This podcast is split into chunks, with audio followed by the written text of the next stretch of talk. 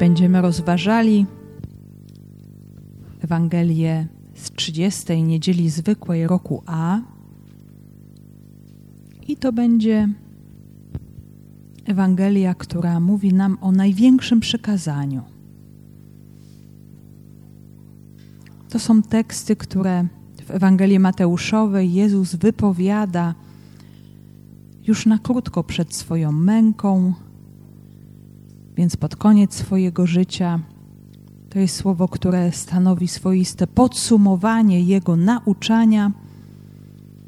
I my, będąc już pod koniec roku liturgicznego, powoli zbliżając się do konkluzji, do uroczystości Chrystusa Króla, do rozpoczęcia nowego roku liturgicznego, też możemy przyjąć dar tego słowa jako swoiste podsumowanie również naszego życia, naszej drogi, naszego słuchania słowa. Aby to się dokonało w sposób owocny, prośmy o otwartość Ducha Świętego na, na Jego działanie w naszych sercach, bo Duch Święty nieustannie jest pośród nas, On jest w nas. My jesteśmy Kościołem Jezusa Chrystusa, jesteśmy wypełnieni Jego duchem, jesteśmy Jego własnością, On jest między nami i potrzebujemy jedynie prosić o to, aby nasze serca stawały się coraz bardziej otwarte na Jego działanie.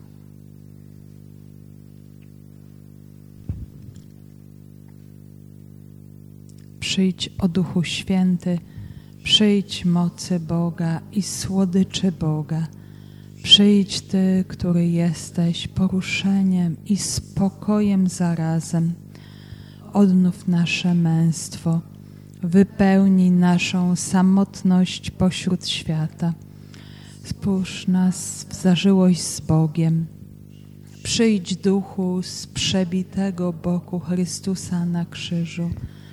Przyjdź z ust zmartwychwstałych. Z Ewangelii według świętego Mateusza. Gdy faryzeusze posłyszeli, że zamknął usta saduceuszom, zebrali się razem. A jeden z nich, uczony w prawie, wystawiając go na próbę, zapytał: Nauczycielu, które przykazanie w prawie jest największe? On mu odpowiedział: będziesz miłował Pana Boga swego całym swoim sercem, całą swoją duszą i całym swoim umysłem. To jest największe i pierwsze przykazanie. Drugie podobne jest do niego. Będziesz miłował swego bliźniego jak siebie samego. Na tych dwóch przykazaniach zawisło całe prawo i prorocy.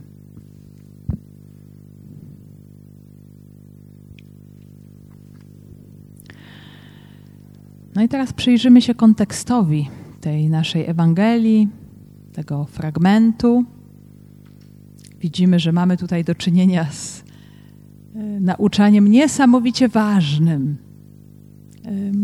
Jest sprawa najwyższej wagi i faktycznie to w narracji Ewangelii Mateuszowej mm, to jest obecność Jezusa w Jerozolimie, to jest Jego obecność y, w Jerozolimie przed męką, a zatem możemy powiedzieć coś, co już podsumowuje, kończy czas Jego nauczania. Jezus, jak pamiętamy, przybywa do Jerozolimy jako pokorny król – wjeżdża na osiołku, jest witamny okrzykami tłumów y, i później też zaczyna działać. Oczyszcza świątynię. Wskazuje, że nie jest ona miejscem handlu, ale domem modlitwy, domem przemiany serca, y, czyli daje znać o sobie, pokazuje, że on ma tutaj jakiś autorytet i ci, którzy świątynią zarządzają, nie rozumieją tego. Bo Jezus nie jest kapłanem, nie jest w takim rozumieniu prawnym uczonym w piśmie, nie jest członkiem Sanhedrynu i w związku z tym pojawiają się liczne pytania ludzi autorytetu, ludzi religii, ludzi prawa, no, które mają wykazać mm, nieznajomość prawa Jezusa, czy brak autorytetu Jego osoby. I pojawiają się kolejne pytania. Pytania, pytania o źródła Jego władzy, o to, jakim prawem On czyni to, co czyni, mówi to, co mówi. E, I Jezus odpowiada przypowieściami. To były akurat te teksty, które my sobie wspólnie tutaj czytaliśmy. Przypowieść o dwóch synach, o przywrotnych rolnikach, o uczcie królewskiej, takie przypowieści historiozbawcze, które pokazują całą pracę, cały wysiłek Boga Izraela, pierwszego przymierza, Bożego Słowa wobec mm, ludu narodu wybranego i jednocześnie odrzucenie tej Bożej łaski, Bożej mocy, Bożej działalności. Więc to jest takie e, też wprowadzenie, które otrzymujemy. I e, Jezus mówi przypowieści, ale też jest nieustannie konfrontowany, w jakiś sposób uderzany, zarzucany pytaniami. Chcą pochwycić Jezusa w słowie, wykazać mu niewiedzę, niepewność, e, niejednoznaczność, chcą go skompromitować i pytają go o rzeczy bardzo trudne. Bo jak wiemy, tutaj ta sytuacja ludu Bożego w czasach Jezusa dotyczyła nie tylko kwestii religijnych, ale bardzo mocno mieszała się z polityką, bo um, lud Boży był pod pręgierzem Imperium Rzymskiego. Więc czy należy płacić podatki? To było ostatnie pytanie, które słyszeliśmy. Czy należy wierzyć w zmartwychwstanie umarłych? To pytanie saduceuszów. I Jezus na wszystkie te pytania odpowiada w taki sposób, że zamyka usta swoim oponentom. Tam, gdzie normalnie byśmy powiedzieli, nie było wyjścia z sytuacji, bo te pytania były tak skonstruowane, że to był majstersztyk, tam Jezus znajduje wyjście z tej sytuacji. I to jest, moi drodzy, coś takiego, co już znamy z Biblii, że Bóg otwiera drogę tam, gdzie jej nie ma, tam, gdzie jest impas, tam, gdzie jest Y, niemożność wyjścia z sytuacji. Tam, gdzie drogi nie ma, bo czy z jednej, czy z drugiej strony jest porażka, tam Bóg otwiera drogę. I to właśnie czyni Jezus. Pokazuje, że coś takiego jest możliwe, i myślę, że dla nas to też może być jakimś światłem, jakimś znakiem, że będąc z Bogiem, słuchając Go, też oczywiście to się nie dzieje jakoś automatycznie, ale w pewnym procesie, w pewnej drodze, bo Słowo Boże zakłada zawsze pewną wędrówkę, pewną drogę, jakiś element słuchania, oczekiwania, y, też wskazujący na naszą wiarę. Bóg nam pokazuje drogę wyjścia zupełnie innego niż byśmy się spodziewali. Tam, gdzie go nie ma po ludzku. Ale oczywiście te odpowiedzi Jezusa to nie koniec. Faryzeusze nie dają za wygraną i stawiają Jezusowi kolejne pytania. Gdy faryzeusze dowiedzieli się, że zamknął usta saduceuszom, zebrali się razem, a jeden z nich, uczony w prawie, zapytał go, wystawiając go na próbę. Więc ewangelista daje nam już dosyć dobry komentarz tego wszystkiego, co się dzieje. Jezus zamknął usta saduceuszom i to dotyczyło sprawy zmartwychwstania, którego saduceusze nie akceptowali, nie przyjmowali. Jezus pokazuje zupełnie nowy wymiar tej rzeczywistości. Pokazuje, że nie znają Słowa Bożego ani mocy Boga, który jest Bogiem żywych, który chce relacji z żywym człowiekiem, który ukazując się jako Bóg Abrahama, Izaaka i Jakuba, jest Bogiem żyjących i wszyscy ci ludzie żyją dla Niego, właściwie wytrąca argumenty swoim rozmówcom, ale to nie koniec. Jezus wzbudza podziw, ale jednocześnie prowokuje też bardzo konkretne pytania. Y, pojawia się stronnictwo przeciwne, a mianowicie faryzeusze, ludzie bardzo pobożni, y, szukający drogi do Boga, wierności prawu Bożemu i właściwie, tak byśmy mogli powiedzieć, to, co było przepisane kapłanom, oni to rozciągali na cały lud. Czyli wszystkie te przepisy dotyczące czystości, wierności, najdrobniejszych kwestii, które dotyczyły tylko i wyłącznie kapłanów. Dlaczego? Bo kapłani dotykali w czasach Jezusa świątyni, przybytku, świętości, ołtarza, byli w bliskości miejsca najświętszego i dlatego musieli zachowywać się nieco inaczej niż cały lud. I to było zrozumiałe. Dla faryzeuszów wszystkie te przepisy dotyczyły również całego ludu. I to było niesamowicie trudne, to było skomplikowane, bo się okazywało, że wszystkie te przepisy były tak liczne, że człowiek nie był w stanie ich wszystkich ogarnąć, zrozumieć, a co dopiero przestrzegać. Czyli cały czas mnożenie przepisów. I czy to prowadziło do jakiejś zmiany, czy tylko jakiejś hipokryzji moralności legalistycznej, że wiemy, że tak powinno być, chociaż tu się rodzi pytanie, czy rzeczywiście tak powinno być? Czy rzeczywiście to jest istotą spotkania z Bogiem? Ale tym ludziom tak to przekazywano. I, I, ludzie po prostu przeżywali też ogromny ból, jakąś frustrację, bo widzieli, że nie są w stanie podołać tym wszystkim mm, wymaganiom. Też kolejna rzecz ciekawa, że w czasach Jezusa nauczyciele prawa, ci, którzy byli bardzo dobrze wykształceni, inteligentni, byli znawcami, wchodzili też w takie swoiste debaty na temat prawa, na temat tory, gdzie zadawano jakieś podchwytliwe pytania i wszyscy słuchali, co ten nauczyciel na to odpowie. I to były bardzo dobre momenty, kiedy jakiś nauczyciel mógł zyskać niebywały autorytet on niesamowicie wybrnął tej, z tej sytuacji. On odpowiedział, on wiedział, on ma wiedzę, on ma ducha, on ma poznanie Bożego prawa. No i też w ten sposób rodziły się autorytety. Więc tego rodzaju pytanie nie byłoby czymś niezwykłym, gdyby nie fakt, o którym nam ewangelista tutaj przypomina, że Jezusa wystawiono na próbę. Że nie było tutaj czystej intencji poznania prawdy Bożej, ale była chęć, żeby Jezusa skompromitować.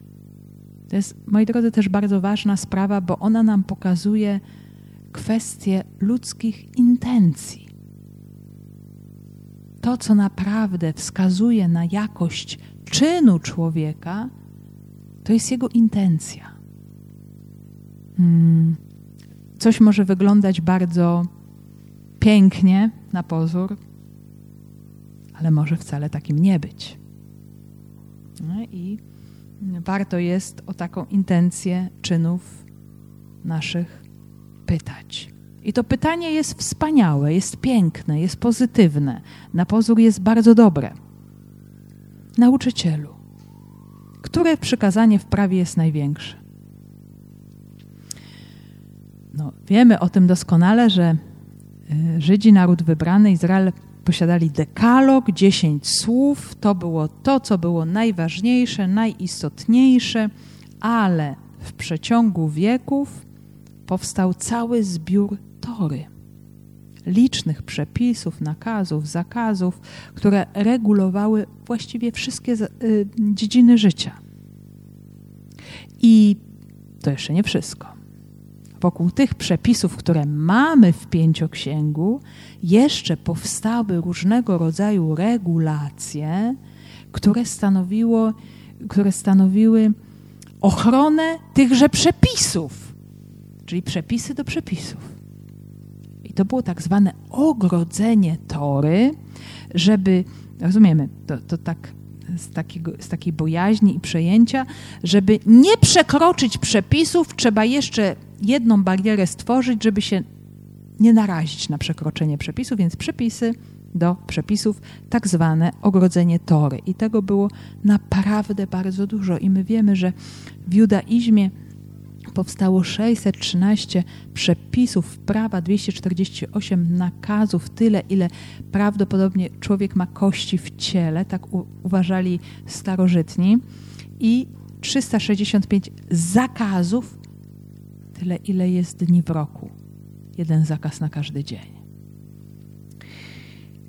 Więc dla prostych ludzi to było naprawdę bardzo trudne do zapamiętania a tym bardziej do przestrzegania. I dlatego rodziły się pytania, które przekazanie w prawie jest najważniejsze. I co mówi Jezus? Jezus mówi o dwóch przykazaniach, które tak naprawdę stanowią jedno o przekazaniu miłości Boga i człowieka. I kiedy Jezus mówi o przekazaniu miłości Boga, posługuje się tekstem z Księgi Powtórzonego Prawa. I myślę, że to jest też bardzo ważne, bo ewangelista Mateusz y, mówi to w takim ograniczonym y, zakresie. Może ma takie też przeświadczenie, że jego słuchacze pochodzenia żydowskiego do, o tym doskonale wiedzą. Ewangelista Marek, który Y, swoje słowo zwraca do pogan, już przekazuje nam całość. Więc ważne jest, żebyśmy widzieli tutaj całość, że przykazanie miłości Boga w Księdze Powtórzonego Prawa jest poprzedzone wezwaniem do słuchania słowa. Że to nie jest tak, że my tak z automatu od razu jesteśmy zdolni do miłości. Nie jesteśmy. Najpierw potrzebujemy miłość przyjąć. Więc co jest pierwsze? Słuchaj Izraelu. Pan jest naszym Bogiem, Pan jedynie. Będziesz miłował Pana Boga Twojego z całego swego serca, z całej duszy swojej, ze wszystkich swych sił.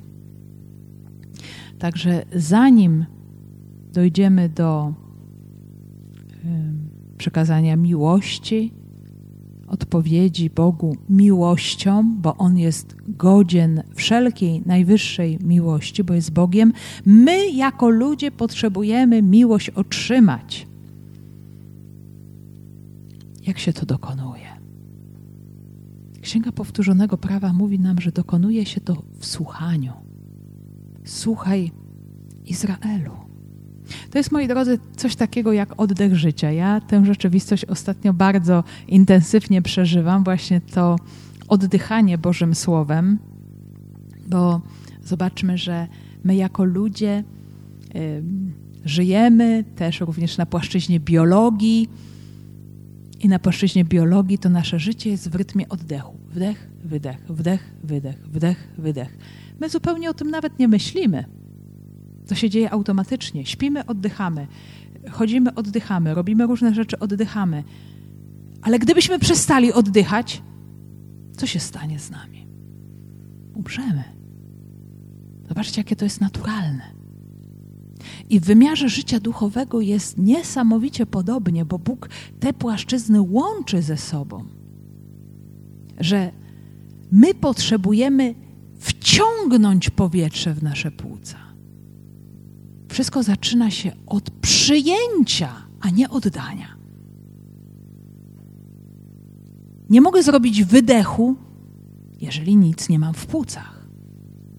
I właśnie ten wdech to jest słuchanie słowa w tym wymiarze duchowym. Że ja słucham. że ja przyjmuję, że odkrywam, że jestem kochany, że jestem przyjęty, że Bóg chce być blisko mnie, że jestem Jego ukochanym dzieckiem. Słuchaj, Izraelu, to jest pierwsze.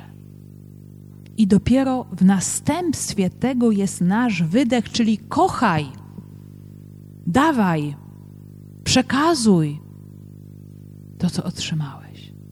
To jest niesamowicie ważna kolejność. To tak jak w historii tych dwóch sióstr, Marii i Martę, pamiętamy to z Ewangelii Łukasza, że Marta była rozdarta w pracy, była zamęczona, była utrudzona. Myślę, że tego też bardzo często doświadczamy w naszym życiu, że nie mamy sił. I czasami może też nas boli to, że pracujemy więcej niż inni. I Marta tego doświadcza i przychodzi z tym do Jezusa: Panie, moja siostra nie robi tego, co powinna, ja już nie mam siły.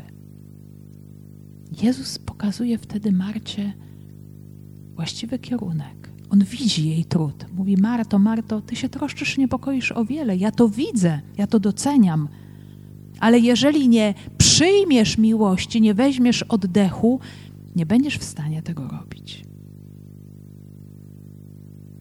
To jest ta pierwsza część, to jest ta dobra część, do której jesteśmy zaproszeni. Przyjmowanie miłości. To też pokazuje w cudowny sposób to, że jesteśmy stworzeniami, to, że my nie jesteśmy autorami miłości, to, że jesteśmy pokornym, małym stworzeniem, które przyjmuje życie, przyjmuje miłość i dopiero wtedy, kiedy przyjmie, otrzyma, odkryje tę miłość, może ją dać dalej. To jest niesamowicie ważne w naszym życiu, bo inaczej bez tego będziemy czuli, że ciągle mamy jakieś poczucie obowiązku, że coś musimy zrobić, musimy czynić wielkie dobro, musimy kochać, musimy służyć i nie mamy siły. I po prostu chce nam się płakać od rana do wieczora. A Pan chce nam powiedzieć: przyjmij miłość. Ja chcę Cię napełnić. Chcę Ci pokazać, że jesteś ukochany. Jesteś najdroższy, jesteś najbliższy. Jesteś moim skarbem. Słuchaj, Izraelu. I dopiero z takim potencjałem życia, miłości, możemy iść dalej. Możemy odpowiedzieć: Tak, Panie. Chcę Cię kochać, chcę Ci odpowiedzieć, bo otrzymałam, otrzymałem miłość, otrzymałem życie od Ciebie. I właśnie to miłowanie Boga jest efektem słuchania, jest efektem e, świadomości działania Boga w naszym życiu. Zobaczcie, tak samo jak dekalog, jak sobie popatrzymy na dekalog, on jest efektem tego, co poprzedza dekalog, czyli preambuła, czyli jam jest Pan Bóg Twój, który Cię wywiódł z ziemi egipskiej, z domu niewoli. Czyli najpierw jest zawsze działanie Boga, Jego miłość, Jego dobro, Jego ogromna troska o nas, a potem dopiero jest ta obietnica, że my możemy odpowiedzieć. I możemy odpowiedzieć tylko z Jego pomocą.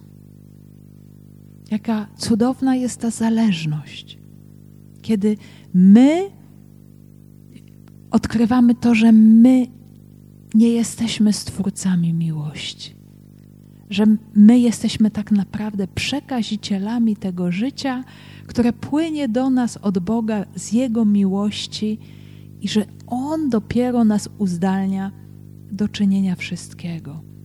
I że On jest tym jedynym, tym pierwszym, tym bliskim, kochającym, e, który objawia się w naszej historii. To właśnie pokazuje nam Słowo Boże. I teraz, jeżeli człowiek to odkrywa, jeżeli człowiek odkrywa miłość i się nią zachwyca, to chce na nią odpowiedzieć całym sobą. I do takiej odpowiedzi zaprasza nas i Jezus, i Księga Powtórzonego Prawa, czyli kochaj całą swoją osobą, całym swoim sercem, duszą, wszystkimi siłami. żeby to nie było coś powierzchownego, ale coś niesamowicie głębokiego. Y, I mm, na przykład tradycja żydowska tutaj w tej miłości ze wszystkich sił widziała coś bardzo, bardzo konkretnego, bo nawet takie materialne zaangażowanie się w sprawy Boże. Czyli człowiek, który kocha Boga, mm, również wspiera na przykład świątynię, różne Boże dzieła, angażuje się również materialnie. Tak przynajmniej tłumaczą nam to tradycje żydowskie. Natomiast w Ewangelii Mateusza mamy takie trzy sfery: serce, duszę oraz umysł. No oczywiście serce to jest kategoria stricte biblijna, to jest mm, cała przestrzeń wewnętrznego świata człowieka. Dusza już bardziej jest ka kategorią grecką, ale możemy ją jeszcze rozumieć jako, również jako życie człowieka, siłę życiową człowieka. Ale tutaj nam się pojawia umysł, i umysł to już jest element pochodzący ze świata greckiego, y, bo człowiek Starego Testamentu myślał swoim sercem. Nie było jeszcze takiego rozumienia prawd intelektualnych, umysłowych. Y, człowiek był postrzegany bardzo integralnie, bardzo wewnętrznie, a tutaj e, widzimy, że ewangelista Mateusz nam łączy te sfery i to rozumienie człowieka w rozumieniu semickim, żydowskim i to rozumienie człowieka ze świata greckiego. I dlaczego to jest takie ważne? Bez względu na to, czy to zrozumiemy w tym e, podziale e, semickim czy greckim, po prostu chodzi o to, aby miłość rozumieć w takim postrzeganiu integralnym, całościowym, wewnętrznym.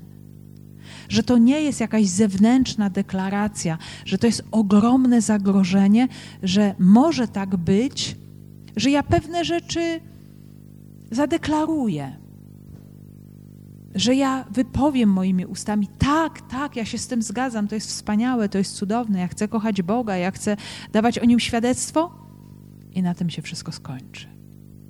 Jakimś działaniu bardzo powierzchownym. Więc mm, to już czytamy u proroka Izajasza. Ten lud zbliża się do mnie tylko w słowach i sławi mnie tylko wargami, podczas gdy serce jego jest z dala ode mnie ponieważ cześć Jego jest dla mnie tylko wyuczonym przez ludzi zwyczajem. I to jest właśnie takie swoiste zagrożenie, którego możemy doświadczać również w naszym życiu. Zwłaszcza jeżeli jesteśmy ludźmi wierzącymi, zaangażowanymi, modlącymi się, uczestniczącymi w liturgiach, że jest bardzo wiele słów.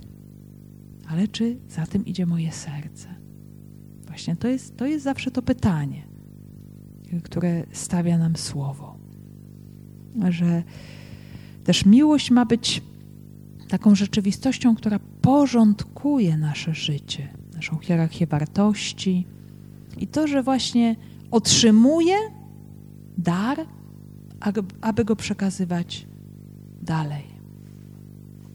I oczywiście miłość Boga to nie jest wszystko. Jezus tutaj nie kończy swojej wypowiedzi E, bo się okazuje, że miłość Boga realizuje się w miłości bliźniego. I w Starym Testamencie, w Torze, w prawie, to były dwa przykazanie, przykazania, które były w dwóch różnych miejscach. Jezus je połączył. Natomiast w Torze przykazanie miłości Boga mamy w Księdze Powtórzonego Prawa, a przykazanie miłości bliźniego w Księdze Kapłańskiej. W dwóch różnych miejscach. I Jezus dokłada do Księgi Powtórzonego Prawa, bo jest znakomitym znawcą tych wszystkich tekstów, to co leży w innym miejscu. A mianowicie tekst kapłański 19:18, który brzmi tak: Nie będziesz szukał pomsty, nie będziesz żywił urazy do synów twego ludu, ale będziesz miłował bliźniego jak siebie samego. Ja jestem Pan. I jakbyśmy się tak zagłębili w to przekazanie w jego historycznym brzmieniu, to co zobaczymy? Że przede wszystkim w tym kontekście Księgi Kapłańskiej to przykazanie ma charakter negatywny, czyli nie będziesz, nie będziesz, nie będziesz czynił zła, nie będziesz robił wielu złych rzeczy. I druga sprawa, że to dotyczy tylko Twoich braci, czyli tych, którzy należą do Twego narodu. Więc to są bardzo wyraźne dwa zastrzeżenia, y, które mm, no, były związane też z przestrzeganiem tego przykazania. A Jezus, jak wiemy, rozumie je bardzo szeroko. Y, Rabbi Hillel, żyjący w czasach Jezusa, mówił tak: Nie czyń bliźniemu, co jest niemiłe dla ciebie. Takie jest prawo. Reszta to tylko wyjaśnienia. No, myślę, że gdyby wielu ludzi się kierowało tego rodzaju nakazem, to byłoby już bardzo dużo. Bardzo dużo. Yy, więc yy, bliźni to był oczywiście rodak. I, I jeżeli kochamy Boga, który stworzył człowieka na swój obraz i podobieństwo, nie możemy kochać człowieka, nie, nie możemy kochać Boga, jeżeli kochamy, nie kochamy człowieka, stworzenia. Więc to było niesamowicie ważne, ale Jezus to znacznie poszerza. Więc również bliźni ma być kochany, tak jak Bóg, z całego serca, z całej myśli, z całej duszy i również ma być kochany właśnie również w tym wymiarze wewnętrznym. Nie tylko przez jakieś rzeczy wewnętrzne, ale ma być to ostateczne pragnienie dobra drugiego. I uwaga, żebyśmy tego też nie mylili z jakimiś emocjami, bo czasami my, nasze emocje możemy mieć bardzo różne. Możemy być bardzo zranieni, możemy doświadczać pewnego bólu. I to nie chodzi o nasze emocje, ale chodzi o naszą decyzję, że ze względu na Jezusa my chcemy również dobra dla drugiego, tego najwyższego dobra. I z perspektywy Jezusa ta miłość bliźniego dotyczy wszystkich. Nie tylko tych mi najbliższych, ale absolutnie wszystkich ludzi, również tych, którzy myślą inaczej jak ja, którzy działają inaczej jak ja. I to ma się realizować w bardzo konkretny sposób. I my możemy sobie e, też poszerzyć ten tekst ewangeliczny innymi tekstami, bo najlepszą zasadą rozważania interpretacji Biblii jest sama Biblia. Czyli inne teksty, które nam mówią o czymś podobnym. Bardzo Was do tego zachęcam i można sobie te rzeczy wyszukiwać w Nowym Testamencie, więc kiedy o to jest zapytany Jezus w Ewangelii Łukasza, to opowiada przypowieść o miłosiernym Samarytaninie. Tu już jest kolejny element, o którym możemy poszerzyć nasze rozumienie wypowiedzi Jezusa. Jeżeli weźmiemy Ewangelię Mateusza, kazanie na górze, ta wypowiedź nam się jeszcze bardziej poszerza, bo e, miłość bliźniego w Ewangelii Mateusza to się równa miłość nieprzyjaciół, czyli tych, którzy są dla nas trudni. I chodzi tutaj oczywiście o nie tyle o nasze emocje pozytywne do tych ludzi, ale o nasze pragnienie dobra dla nich. O to, żeby oni doświadczyli Boga, doświadczyli miłości, doświadczyli Jego łaski, aby to ich życie się zmieniło, ale też, żeby też doświadczali wszelkiego błogosławieństwa. I moi drodzy, miłość nieprzyjaciół to jest synteza chrześcijaństwa. Jeżeli ktoś dochodzi do tego przekazania, do realizacji miłości nieprzyjaciół, to możemy powiedzieć, że już stał się chrześcijaninem. Stał się jak Chrystus. Oczywiście w sposób dla siebie możliwy. My oczywiście też widzimy, że to jest niesamowicie trudne dla nas, nawet w bardzo takim bliskim kontekście naszego życia. Ale możemy ciągle o to prosić. Możemy prosić Boga, aby wszystkich tych ludzi, którzy są dla nas dzisiaj trudni, którzy są naszymi nieprzyjaciółmi, którzy myślą inaczej niż my, a może nawet nas krzywdzą w jakiś sposób, żeby On ich dotknął swoją miłością. I myślę, że to już będzie bardzo wielki krok na tej drodze. To będzie ogromny, ogromny progres, jeżeli w ogóle taka myśl, taka modlitwa zrodzi się w naszym sercu. Będziemy przez to bardzo Chrystusowi, podobni do Niego. I myślę, że to jest, tak patrząc na nasze życie, to jest bardzo wielki awans. To jest bardzo wielka rzecz. Stać się chociaż w maleńkiej rzeczy podobnym do naszego Pana. Bo właśnie Chrystus tak uczynił. Umarł za nas kiedy byliśmy zupełnie niezdolni do przyjęcia Jego miłości, kiedy byliśmy grzesznikami, byliśmy wrogami Boga, byliśmy Jego zabójcami. Więc każdy najmniejszy krok, który wykracza poza miłość taką zwyczajną, normalną wobec tych, którzy nam czynią dobrze, bo tak, tak żyją też i poganie, tak żyją ludzie niewierzący, że kochają tych, którzy również ich kochają. Chrześcijanin to jest ktoś, kto chociaż troszeczkę, w malutkim stopniu staje się podobny do swojego Pana, który idzie dalej, kocha więcej, chce dobra również tych, którzy się wydają z naszego ludzku, ludzkiego punktu widzenia być złymi czy niegodnymi miłości Boga. Więc wszystkie przykazania właściwie one się streszczają w tej prawdzie miłości Boga i bliźniego. O tym nas naucza święty Paweł, który doskonale przestudiował prawo i, i to nam podaje właśnie. Miłość jest doskonałym wypełnieniem prawa. Miłość nie wyrządza zła bliźniemu, chce dobra. Choćby to było właśnie jedynie naszą intencją, naszą modlitwą, może nie jesteśmy w stanie w tym momencie wykroczyć poza jakieś granice, ale jeżeli jest w nas chociażby to pragnienie, aby ten człowiek, który w tym momencie naszego życia wydaje nam się najtrudniejszy, sprawiający nam ból, daleki od Boga, jeżeli pojawi się w naszym sercu to pragnienie, aby on doświadczył łaski, Moi drodzy, to jest ogromne działanie Ducha Świętego w naszym życiu. To jest wielki sukces.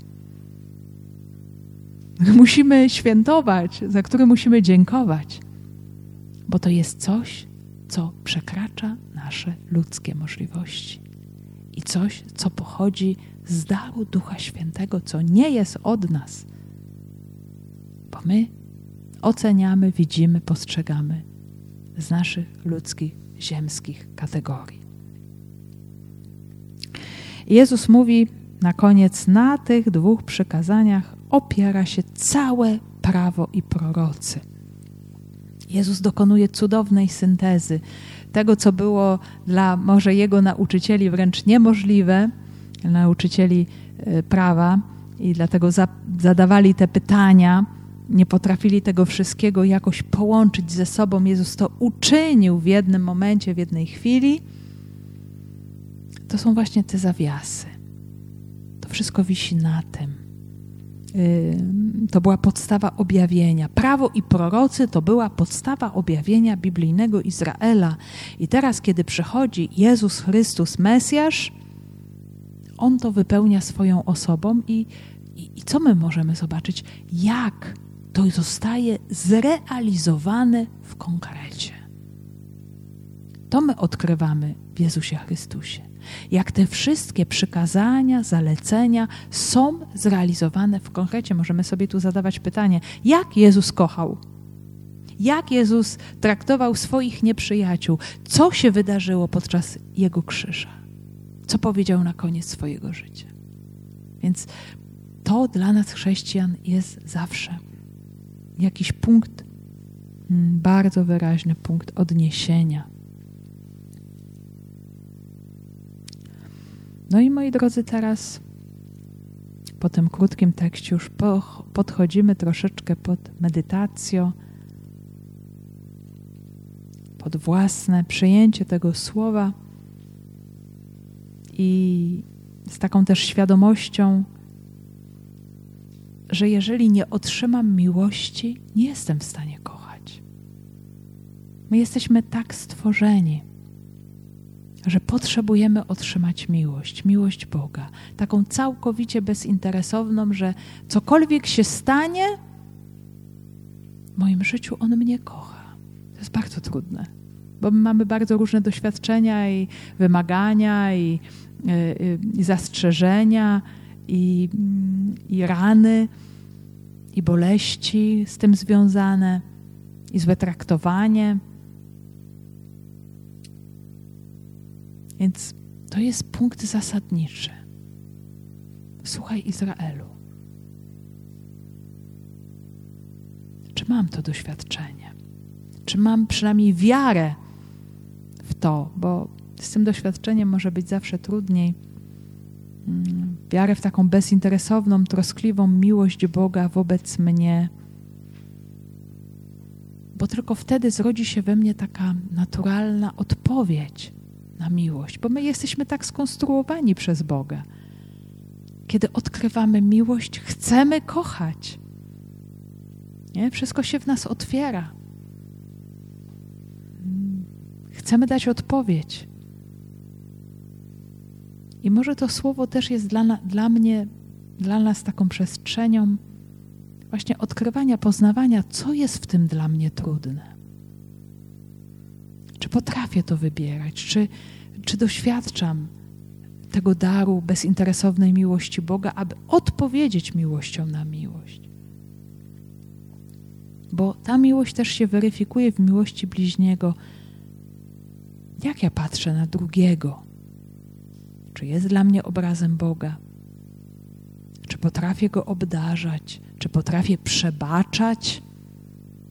I co jest dla mnie trudne? i dlaczego jest dla mnie trudne. Może to słowo też pozwoli mi odkryć jakąś przestrzeń, która woła o uleczenie.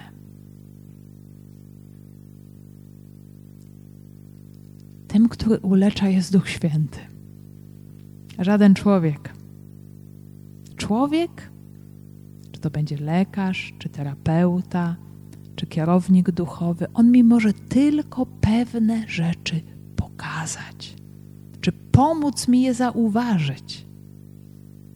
Jedynym uzdrowicielem, lekarzem jest Pan, który działa poprzez swojego ducha, który może dotykać mojego serca, mojej historii, moich braków.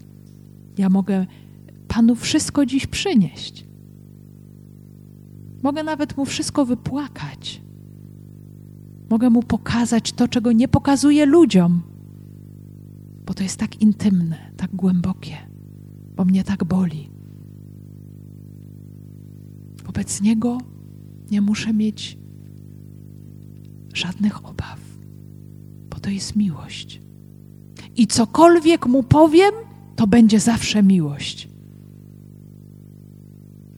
Nie ma nikogo takiego w naszym życiu. Nie ma żadnego człowieka na świecie, który by nas tak kochał. Ja myślę, że to jest podstawowa rzecz w naszym życiu wiary, w naszym życiu w ogóle ludzkim. Otworzyć się na to doświadczenie. Bez względu na to, co się później stanie, jak będzie wyglądać nasze życie, gdzie my pójdziemy, co z tym zrobimy ale najbardziej podstawowe jest to wejście w to doświadczenie miłości całkowicie bezinteresownej, bo Bóg naprawdę od nas niczego nie potrzebuje, niczego nie chce, bo On jest pełnią szczęścia samą w sobie. Jedynego, czego On pragnie, to nasze szczęście. I to jest bardzo ważne, abyśmy może w naszej też osobistej modlitwie, osobistym spotkaniu, od, oddawali Panu to wszystko, co jest jeszcze może dla nas blokadą w tej miłości. Bo Jego to nie dziwi. On doskonale rozumie naszą ludzką kondycję, bo jest człowiekiem. Wprawdzie Bogiem i człowiekiem. Człowiekiem bez y, żadnej skazy zła, którą my nosimy w sobie. Ale on tego wszystkiego doświadczył. Jedynym jego pragnieniem jest właśnie to, aby ta jego wszechpotężna miłość, którą chce nam przekazać w swoim świętym duchu, aby nas ogarniała. Abyśmy przynajmniej pragnęli kochać, abyśmy otwierali się na Jego miłość, abyśmy za tą miłością tęsknili, aby On przez nas również mógł działać. Możemy zadawać pytanie sobie teraz, w cichości naszego serca, co to słowo rodzi we mnie? Odkrywam właśnie. To piękno miłości Boga, która się objawia w Jezusie, która ta miłość, która przekracza wszystko to, co mogę pomyśleć i zapragnąć, że Bóg pragnie, abym ja był właśnie taki, obdarzony Jego miłością, uczyniony na Jego obraz i podobieństwo, przyjmujący i przekazujący miłość, że Bóg właśnie tego chce, chce tego mojego piękna, chce mnie leczyć, chce być obecny w moim życiu, abym kochał. Możemy być też wdzięczni za osoby, które są w naszym życiu znakami Bożej miłości. Na pewno każdy z nas no kogoś takiego w swoim życiu spotkał, jakieś dobro otrzymał. I to jest ważne, żeby to odkrywać, żeby to widzieć. Żeby też widzieć, że jesteśmy w związku z tym zaproszeni do kochania innych, do też okazywania dobra innym, wdzięczności, dobra. Że dzięki temu dzięki temu przepływowi, na który pozwalamy, tego dobra przeze mnie, Bóg również leczy i przemienia mnie. Że to się dokonuje właśnie w tym ruchu miłości. I moi drodzy, to, co się w naszym sercu rodzi, ta najgłębsza modlitwa serca, to jest dar Ducha Świętego.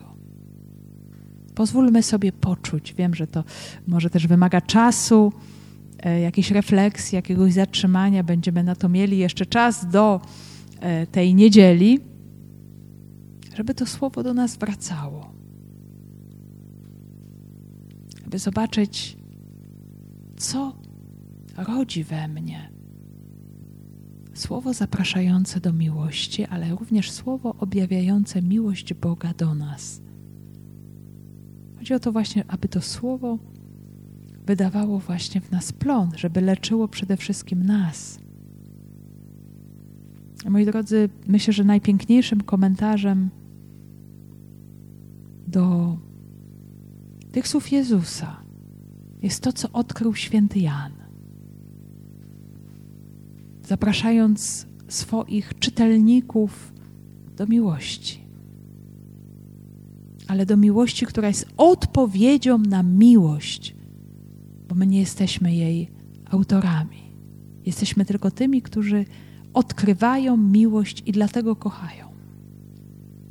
Umiłowani, miłujmy się wzajemnie, ponieważ miłość jest z Boga. A każdy, kto miłuje, narodził się z Boga i zna Boga. Kto nie miłuje, nie zna Boga, bo Bóg jest miłością. Tym objawiła się miłość Boga ku nam, że zesłał Syna swego jednorodzonego na świat, abyśmy życie mieli dzięki Niemu. W tym przejawia się miłość, że nie my umiłowaliśmy Boga, ale że On sam nas umiłował i posłał Syna swojego jako ofiarę przebłagalną za nasze grzechy. Umiłowani, jeśli nigdy jeśli Bóg tak nas umiłował, to i my winniśmy się wzajemnie miłować. Nikt nigdy Boga nie oglądał. Jeżeli miłujemy się wzajemnie, Bóg trwa w nas i miłość ku Niemu jest w nas doskonała.